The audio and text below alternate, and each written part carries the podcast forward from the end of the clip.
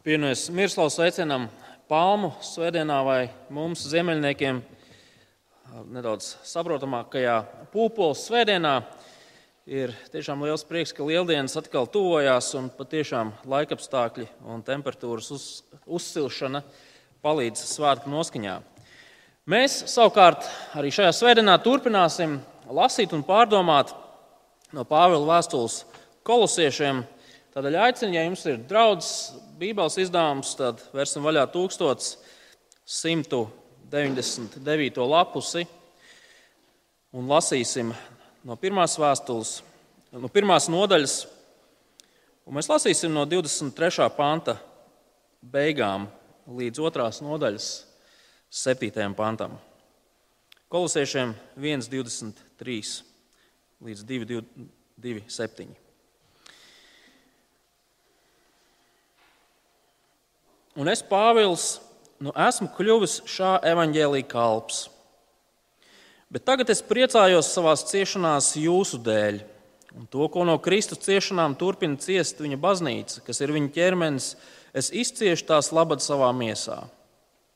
Par viņa baznīcas kalpotāju es esmu kļuvis pēc dieva uzdevuma, kas man ir uzticēts jūsu dēļ, lai jūsos piepildītos dieva vārds.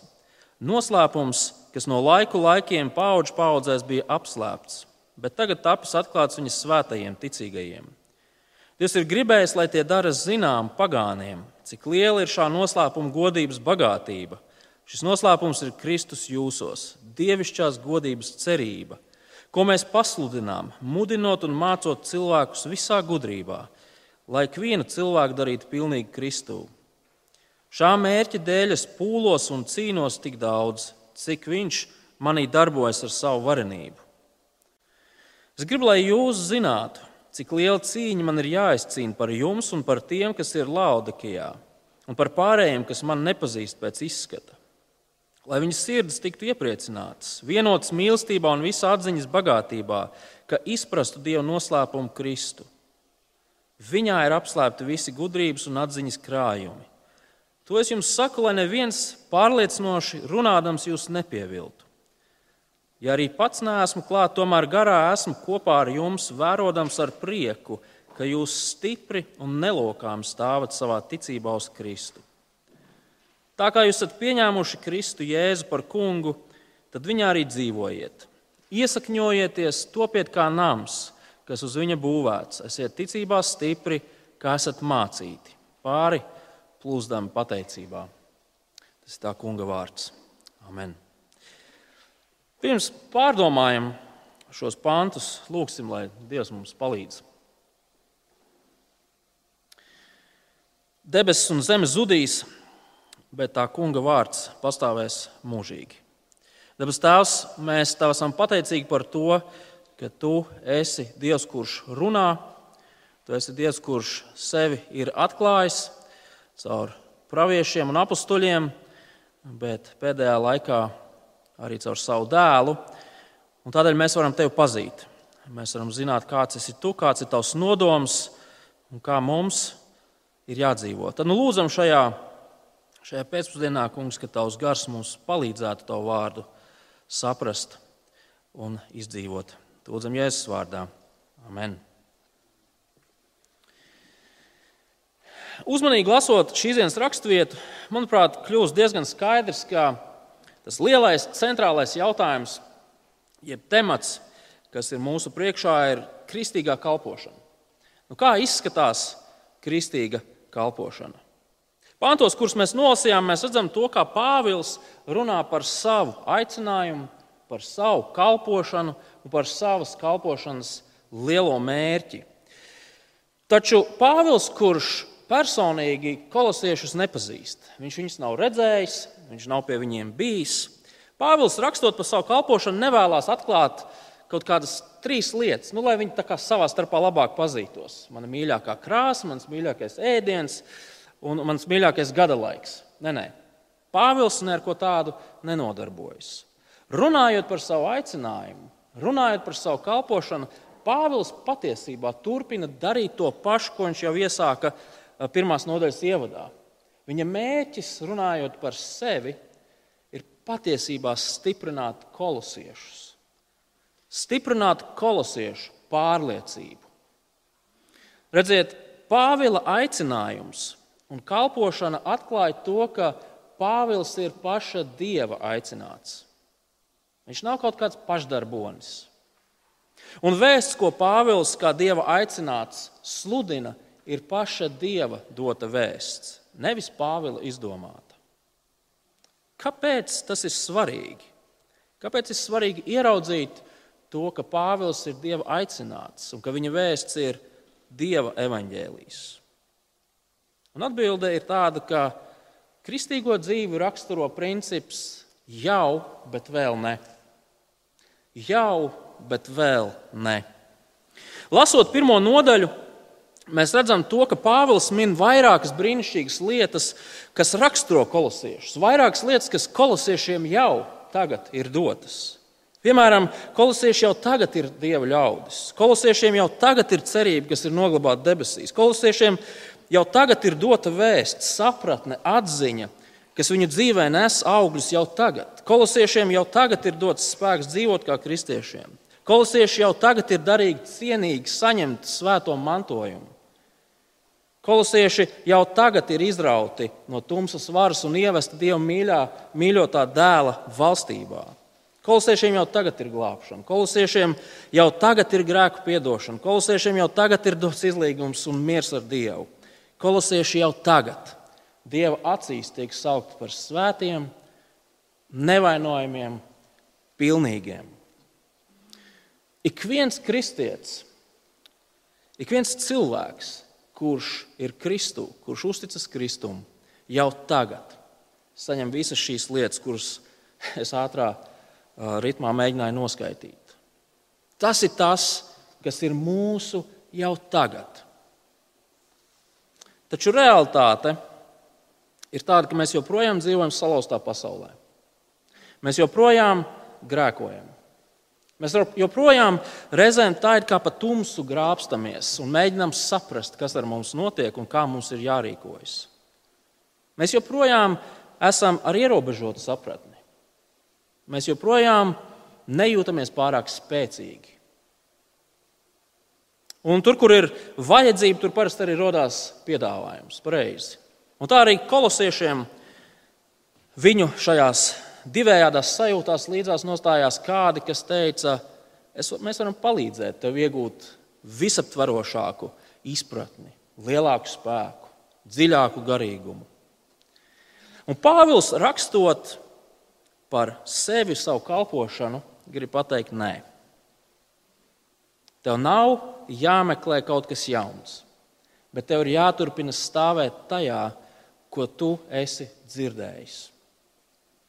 Tev nav jāmēģina kaut kā papildināt to, ko tu esi dzirdējis, bet tev ir jāturpina laist saknes tajā, ko tu esi dzirdējis.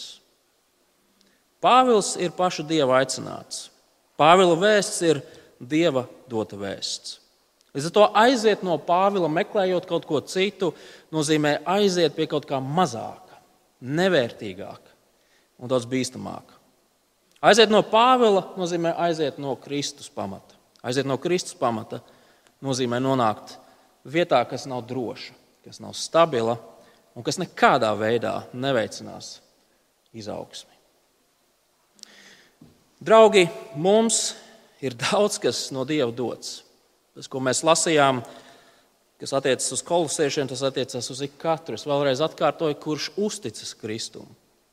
Taču mēs visi esam tikpat ļoti skaidri apzināmies, ka neesam pilnīgi. Mēs vēl neesam tur, kur mēs gribētu būt un kur mēs kādu dienu būsim. Mēs, mēs vēl neizbaudām un, un nepiedzīvojam to tā pa īstām, kas mums ir dots. Taču vienīgā lieta, kas mums palīdzēs noiet šo atlikušo nogriezni no tagad līdz tai dienai, Vienīgais, kas mums dos drosmi, vienīgais, kas mums palīdzēs pieaugt, vienīgais, kas mums dos spēku, ir palikšana Kristū, paliekot viņa evaņģēlijā, kas ir pasludināts caur apstuļiem, kas ir pierakstīts un ir mūsu rokās. Tas ir vienīgais. Un tādēļ Pāvils arī raksta kolosiešiem, lai viņus pārliecinātu par to, lai viņus stiprinātu, iedrošinātu un mudinātu neskiet nekur citur. Sāksim ar Pāvila aicinājumu. Pāvils ir aicināts atklāt Kristus evaņģēlīju tautām. Ja mēs atceramies to, kā sākās Pāvila kristīgā dzīve, tad mēs apstuļu darbu 9. nodaļā ļoti skaidri redzam aprakstīt šo spilgto Damaskas ceļa notikumu, kur viņš pārsteidzošā veidā redzēja pašu kungu, Jēzu Kristu, kuru Pāvils pirms sastapšanās ar Jēzu tik dedzīgi vajāja. Viņš vajāja kristiešus, un pēc tam viņš kļuva par pašaizliedzīgu Kristus kalpu. Un šis notikums ir aprakstīts 9. nodaļā, 15. un 16. pantā, apstuļu darbu grāmatā. Es ātri viņus nolasīšu, šos divus pantus, kur, kur Dievs uzrunā kādu no kristiešiem, kuram bija jāsas, jāsastop Pāvils. Un par Pāvilu kungs saka šādus vārdus. Kungs viņam sacīja: Dodies turp, jo šis vīrs, proti, Pāvils, ir manis izredzēts darbarīgs, lai nestu manu vārdu tautām un ķēniņiem un Izraēla dēliem. Es darīšu viņam redzamu, kas viņam mana vārda dēļ būs jācieš. Dievs izglāba Pāvilu un aicina viņu uzdevumam. Uzdevums ir doties pie tautām un ķēniņiem, sludinot par Kristu. Un šis uzdevums nebūs viegls. Pāvlam būs jācieš. Viņam būs jāsaskarās ar dažādām grūtībām šajā uzdevumā. Un, draugi, vai tas nav tieši tas pats, ko Pāvils varbūt nedaudz izvērstākā veidā, bet ko viņš raksta kolosiešiem, šiem jaunajiem kristiešiem? Skatieties no 23. panta pēdējā teikuma vēlreiz līdz 26. pantam. Un es, Pāvils, nu esmu kļuvis šā evaņģēlīja kalps. Bet tagad es priecājos savā ciešanās jūsu dēļ, un to, ko no Kristus ciešanām turpina ciest viņa baznīca, kas ir viņa ķermenis, es izciešu tās labad savā miesā.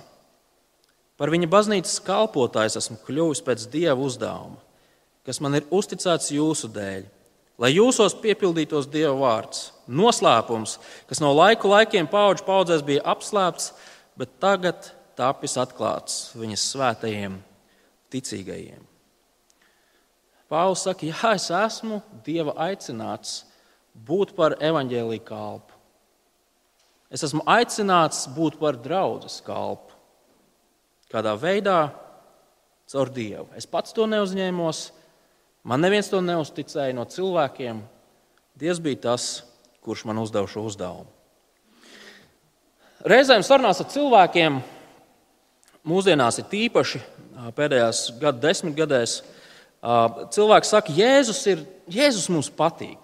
Jēzus mācība, mīlestība, viss tas ar Jēzu saistās ir forši, bet Pāvils mums nepatīk. Pāvils ir pārāk radikāls. Taču patiesība ir tāda, ka Pāvilu atmetot, mēs atmetam arī Jēzu. Kāpēc? Tāpēc, ka Jēzus ir tas, kurš pilnvaro Pāvilu. Jēzus iecēla Pāvilu par savu kalpu. Jēzus izvēlējās Pāvilu sludināt. Un otrkārt, tas, ko Pāvils sludina, patiesībā neatšķirās no tā, ko Jēzus sludina. Pāvils nav kaut kāds radikāls, Pāvils nav kaut kāds dadzis acī. Pāvils ir Jēzus iecelts, un Pāvils sludina to, ko sludināja Jēzus. Skatieties, 24. pantā. Bet tagad es priecājos savā ciešanās jūsu dēļ, un to, ko no Kristus ciešanām turpina ciest viņa baznīca, kas ir viņa ķermenis, es izciešu savā tās labā, labad savā miesā. Es ieskatījos vecajā tulkojumā, un vecais tulkojums bija nedaudz skaidrāks šajā gadījumā. Es nolasīšu no vecā tulkojuma. Tad no esmu līksms savā ciešanās, kuras nesu jūsu labā, piepildīdams to, kas vēl trūks no Kristus ciešanām, savā miesā par labu draudzēji, kas ir viņa miesa. Pāvils šajā pantā runā par, par ciešanām, kuras viņš piedzīvo īstenojot savu aicinājumu.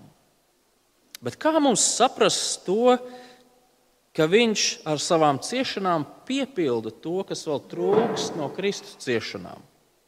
Draugi, vispirms ir svarīgi saprast, ko tas nozīmē. Šī frāze pavisam noteikti nenozīmē to, ka Kristus krusta nāve ir kaut kādā veidā nepilnīga. Tas nenozīmē, ka Kristus savām ciešanām, nāve, augšām celšanās kaut kādā veidā nav paveicis to, kas viņam bija jāpaveic. Nē, Kristus krusta darbs ir pilnīgi un absolūti pabeigts un pilnīgs. Tur nekas nav jāpieliek, tur nekas nav jāpapildina. Taču vēsts par Kristus krusta darbu vēl nav izgājusi līdz zemes malām. Tā nav darīta zināma visām pasaules tautām. Lūk, ko nozīmē piepildīt to, kas vēl trūkst. Runa nav par Kristus darba papildinājumu. Runa ir par Kristus darba pasludinājumu. Kristus darba dāvana nav pasludināta visām tautām. Un tas ir tas, uz ko ir aicināts Pāvils. Tas ir tas, kas ir viņa dzīves misija. Un šādu kalpošanu, gluži kā paša Jēzus dzīve un kalpošana, pavadījis ciešanas, grūtības, vajāšanas, pat nāvi. Es nezinu, vai jūs esat lasījuši kaut ko no baznīcas vēstures. Ja esat, jūs droši vien zināt, ka pirmie trīs gadsimti baznīcas vēsturē ir rakstīti ar sarkaniem burtiem, ar asinīm. Kristiešu vajāšanas, grūtības, ciešanas, apcietināšana, spīdzināšana, nāve.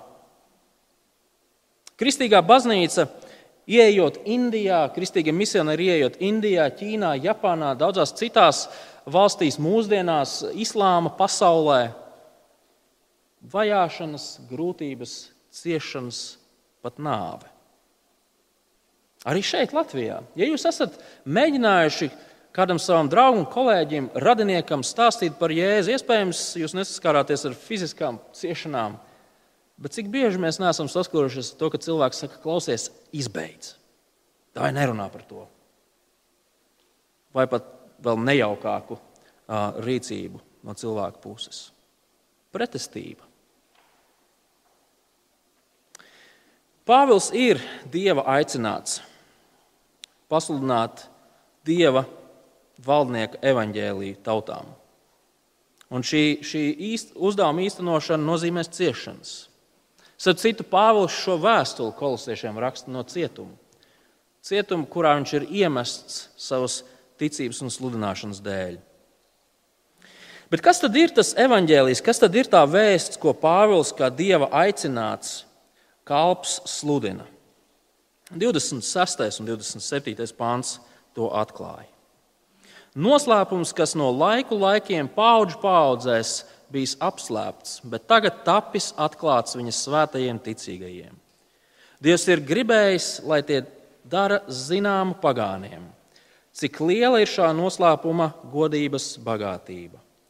Šis noslēpums ir Kristus jūsos, dievišķās godības cerība. Pāvila vēsts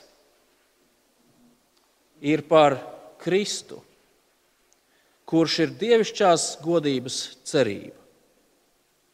Šis lielais noslēpums, kas vairs nebūtu nav noslēpums, jo tas tiek sludināts no tautas tautā. Kristus ir šis senos laikos apsolītais, glābējs, valdnieks, kurš nāks glābt un tiesāt ne tikai Izraēlu un Izraēla tautas ienaidniekus, bet visu pasauli. Glābt un tiesāt visas pasaules tautas, visus zemes iedzīvotājus. Mirkli iepriekš, pirmajā nodaļā, no, 13, no 15. panta līdz 20. pantam, Pāvils cildināja Kristus pārākumu, Kristus pārākumu radīšanā, Kristus pārākumu jaunradīšanā, Kristus pārākumu glābšanā.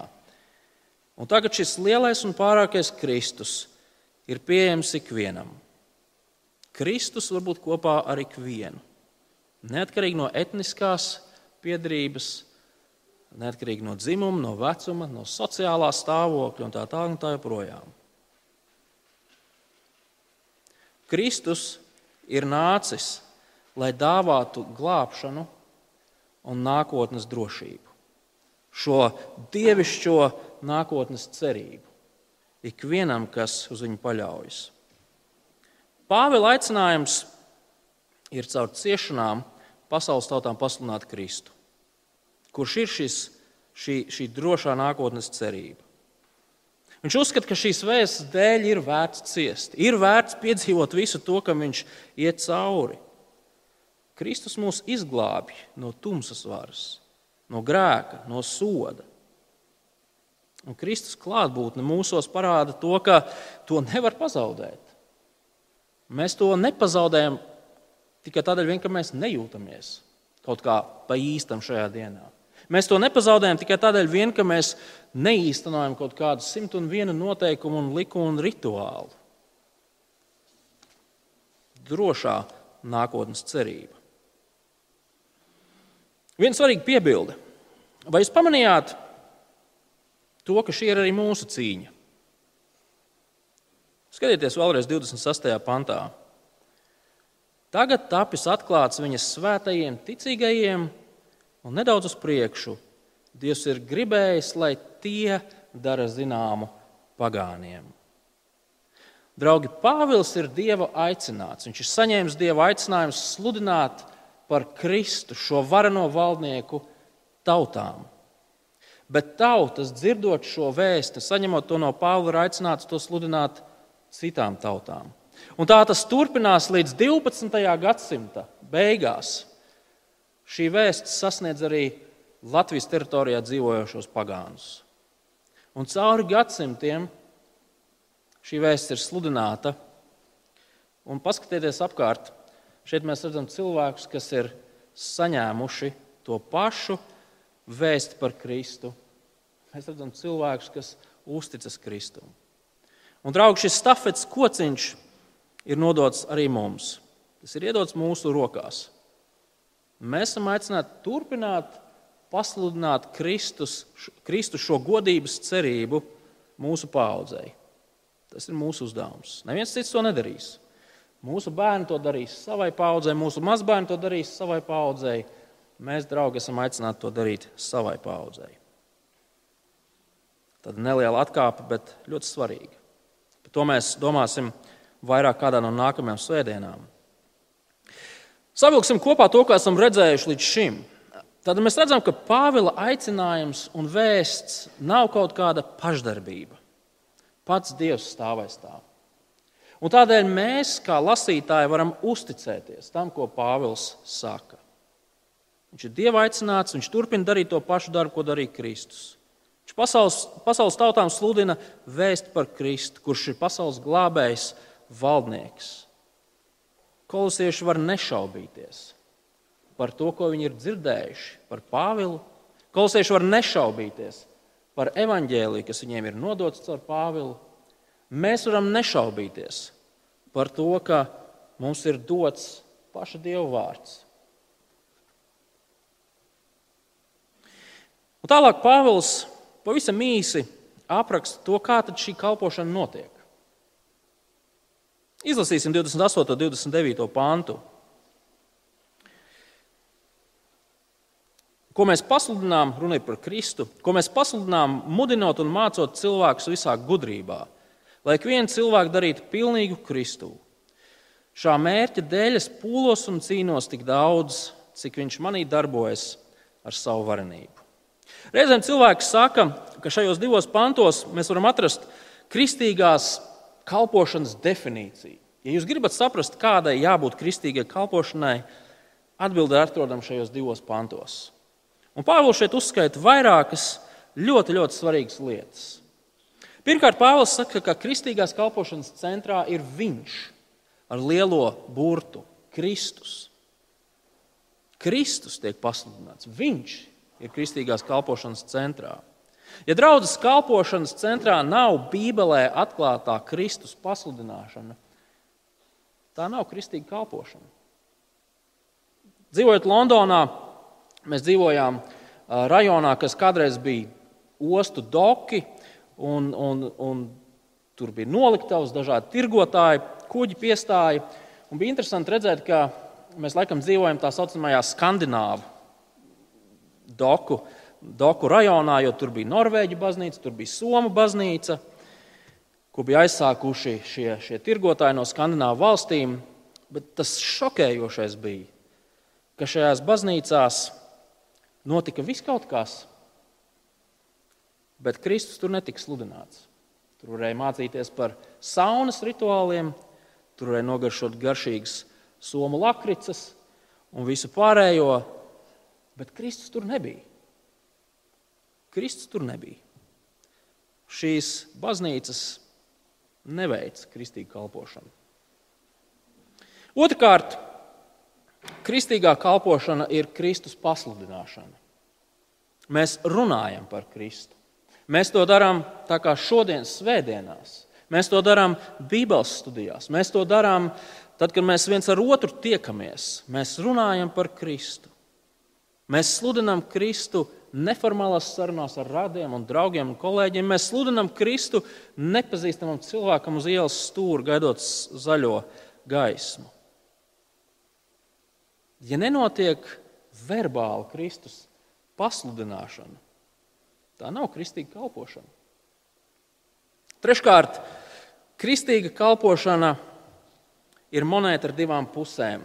Viena puse ir evanģelizācija, otra puse ir mācekļu audzināšana. Pāvils saka, viņu mēs pasludinām, mudinot un mācot cilvēkus.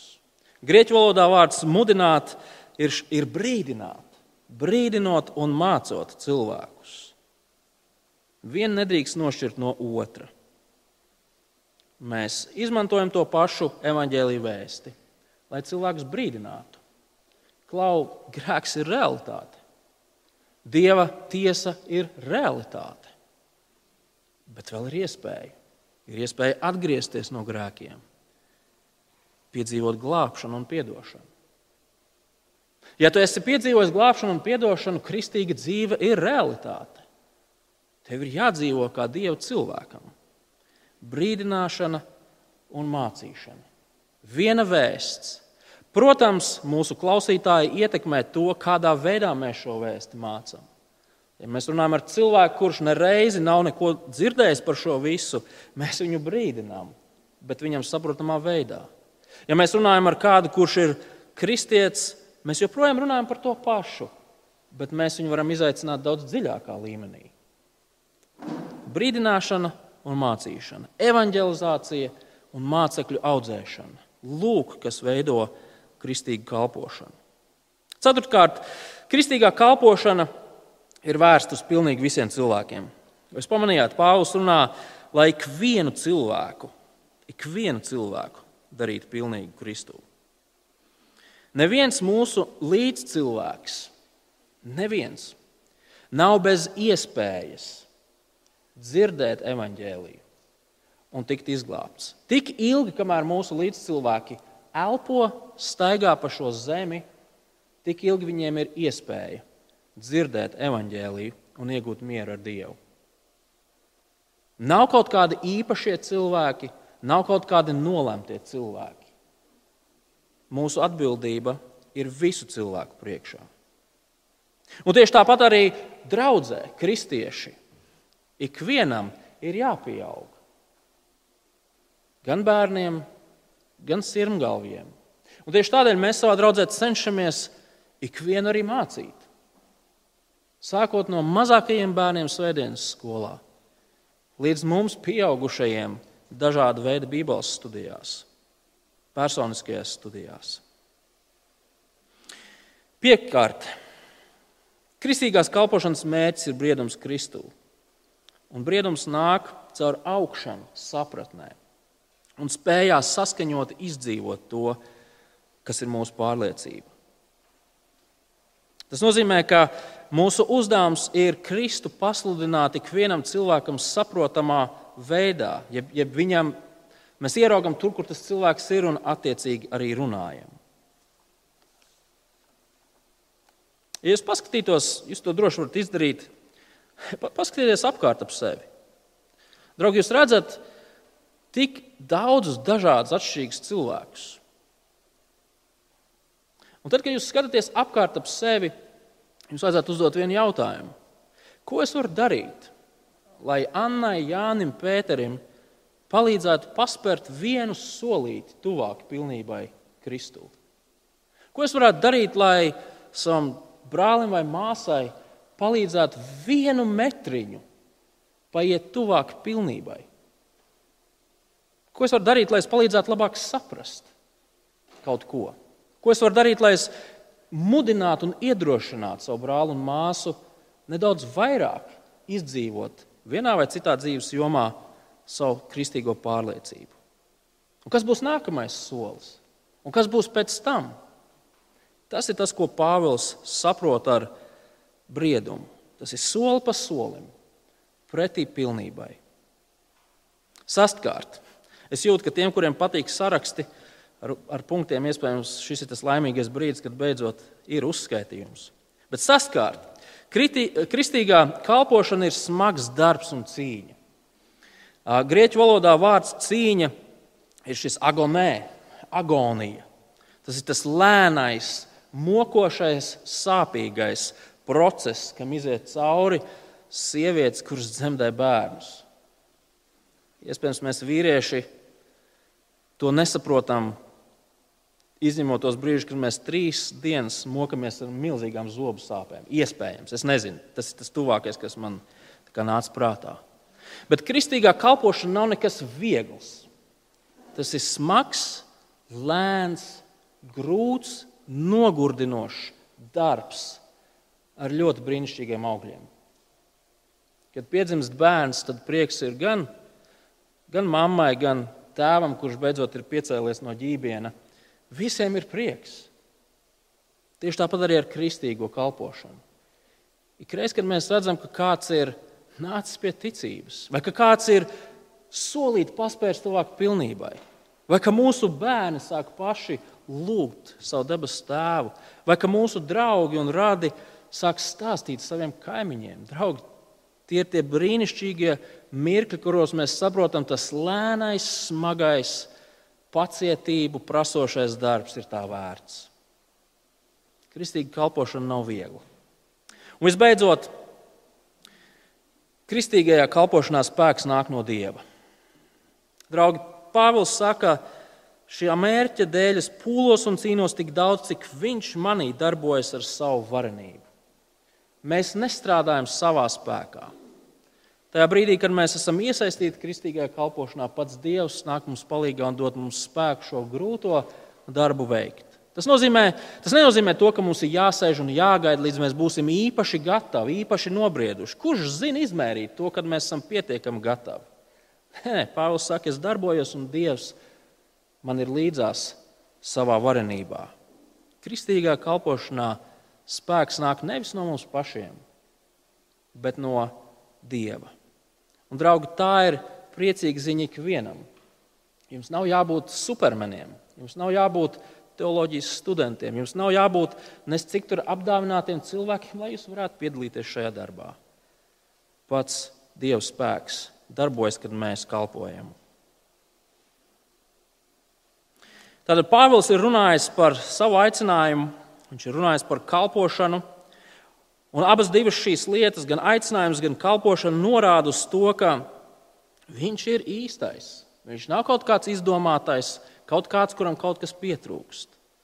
Ja jūs gribat pieaugt, jums ir jāpaliek Pāvila mācībā. Ja jūs gribat pieaugt, jums ir jāpiedzīvo kristīga kalpošana, kā Pāvils to īsumā apraksta. Nav cita ceļa, kā nobriest.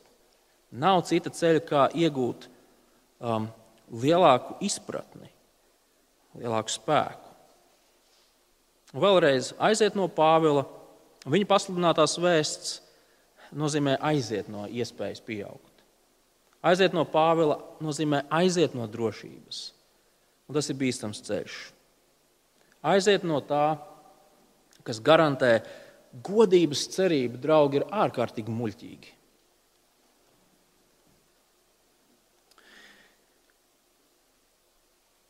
Un tieši, tieši šis, šis briedums un drošība, kas ilgst visu kristiešu dzīvi, ir arī kalpo, Pāvila kalpošanas mērķis. Tas ir tas, kāpēc Pāvils cieš, agonē, bet turpina sludināt par Kristu. Skatieties, otrās nodaļas sākums. Pirmie pieci panti. Es gribu, lai jūs zinātu, cik liela cīņa man ir jāizcīna par jums un par tiem, kas ir Laudakejā, un par pārējiem, kas man nepazīst pēc izskata.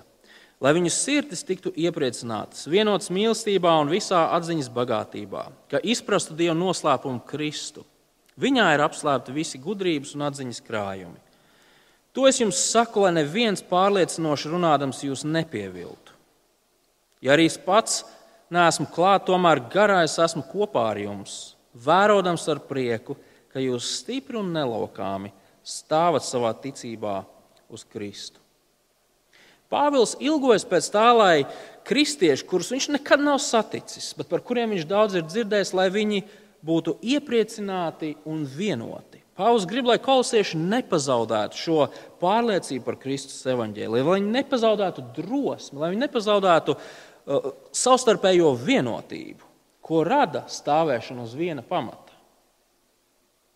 Kolosiešiem ir dots viss nepieciešamais, lai tas varētu notikt. Un Pāvils ar prieku apliecina to, draugi, jums viss ir, jūs stāvat uz, pareizās, uz, uz pareizā pamata, jūs esat vienoti, jūs varat būt pateicīgi. Taču jūs visi zināt to, ka tas vien, ka lietas šķietami ir labi, nenozīmē, ka mums laiku pa laikam nevajag dzirdēt kādu brīdinājumu. Pareizi. Tas vien, ka ir labi, nenozīmē, ka briesmas nav aiz nākamā stūra. Es atceros, ka pirms daudziem gadiem modē bija tās, tās vakariņu prezentācijas, kurās um, dažādu zemes kvalitātes, bet nesamērīgi dārgu priekšmetu tirgotāji nelielai cilvēku grupiņai uzsauca vakariņas, parastā trīsvienība, zupiņa, otrais kompots. Uh, un, un vakariņu laikā prezentēja. Ko viņi tur prezentēja? Putekļu sūcējs, kaut kādas supergrīdas, birstas, lupatiņas, uh, blenders un ko tik vēl nē. Es pieņemu, ka viens otrs no jums klātesošiem ir bijis šādās, šādās vakariņās. Es esmu bijis vairāk kārt ar prieku gāju, bez maksas paēst.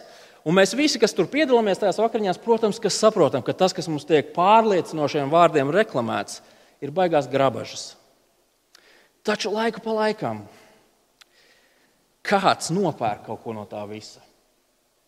Mēs pazīstam vienu pāri, kuri, kuri savā 25 km2 dzīvoklītī nolēma nopirkt milzīgo putekļu sūcēju par pusotru tūkstoti latu. Pirms tam visi mēs zinājām, ka tas ir grabažas. Bet tad, kad kāds tev sāk pārliecinoši mācīt, Tu saki, tiešām tas ir tas, kas man ir vajadzīgs. Jāpaņem ātrais kredīts. Draugi, kristīgajā dzīvē ir ļoti līdzīgi. Mēs nekad nevaram būt droši par to, ka mūsu dzīvē mums līdzās nenostāsies kāds, kurš teiks, klau, draugs, ir forši, ka tu esi uz Kristus pamata. Ir forši, ka tu studē Pāvilu, bet tev ir vajadzīgs vēl kaut kas. Tu taču to saproti, vai ne? Tu taču gribi būt ar lielāku spēku, ar lielāku izpratni, justies garīgāks. Nāc, izlasi šo grāmatu. Nāc man līdzi uz šīm lekcijām. Es parādīšu, kur lielāks spēks, drošība, garīgums ir atrodams. Draugi, tad, kad es to saku, es gribu, lai jūs nepārprotat. Mums visiem ir vajadzīgi skolotāji, cilvēki, kas mums var palīdzēt saprast lietas labāk kur ir pieredzējuši, kur ir zinoši, kur mums var izskaidrot lietas pareizi. Mums visiem tas ir vajadzīgs. Taču mums ir jābūt ļoti uzmanīgiem. Ik viens skolotājs, kurš nestāv uz šī pamata, ik viens skolotājs, kurš saka, ka ar Pāvilu un Jēzu viss ir labi, bet tie nav mūsu skolotāji. Ar viņiem mums nav pa ceļam. Kāpēc nav pa ceļam? Tāpēc ka viņi ir bīstami. Viņi mūs var aizvest prom no drošības, prom no stingrā pamata, prom no iespējas izaugt, lai cik pārliecinoši viņi arī nerunātu. Pāvils grib, lai kolosieši un arī mēs, kas lasām šo vēstuli, būtu pārliecināti par to, ka mācītājs, jeb apustulis, kurš to ir sludinājis, ir īstais. Viņš ir Dievu aicināts. Labāk nevar būt. Vēsts, kuru viņš ir pasludinājis, ir īstā vēsts. Tā ir tā pati vēsts, ko Kristus mācīja un uzticēja saviem apstuļiem mācīt visām pasaules tautām. Mēs par to varam būt pārliecināti un droši. Mums nav vajadzīgs nekas jauns, mums nav vajadzīgs nekāds papildinājums. Taču 7. un 8. pantā, es atvainojos, 6. un 7. pantā Pāvils dod pavēli kolosiešiem. Skatieties! Tā kā jūs esat pieņēmuši Kristu Jēzu par kungu, tad viņā arī dzīvojiet. Iesakņojieties, topiet kā nams, kas uz viņa būvēts. Esiet ticībā stipri, kā esat mācīti, pāri plūzdami pateicībā. Draugi, lai cik priecīgs Pāvils arī nebūtu par to, ka viņš dzird, ka kolosieši stāv stipri uz drošā pamata, vienoti mīlestībā Kristū, Pāvils vēlas, lai notiktu progress.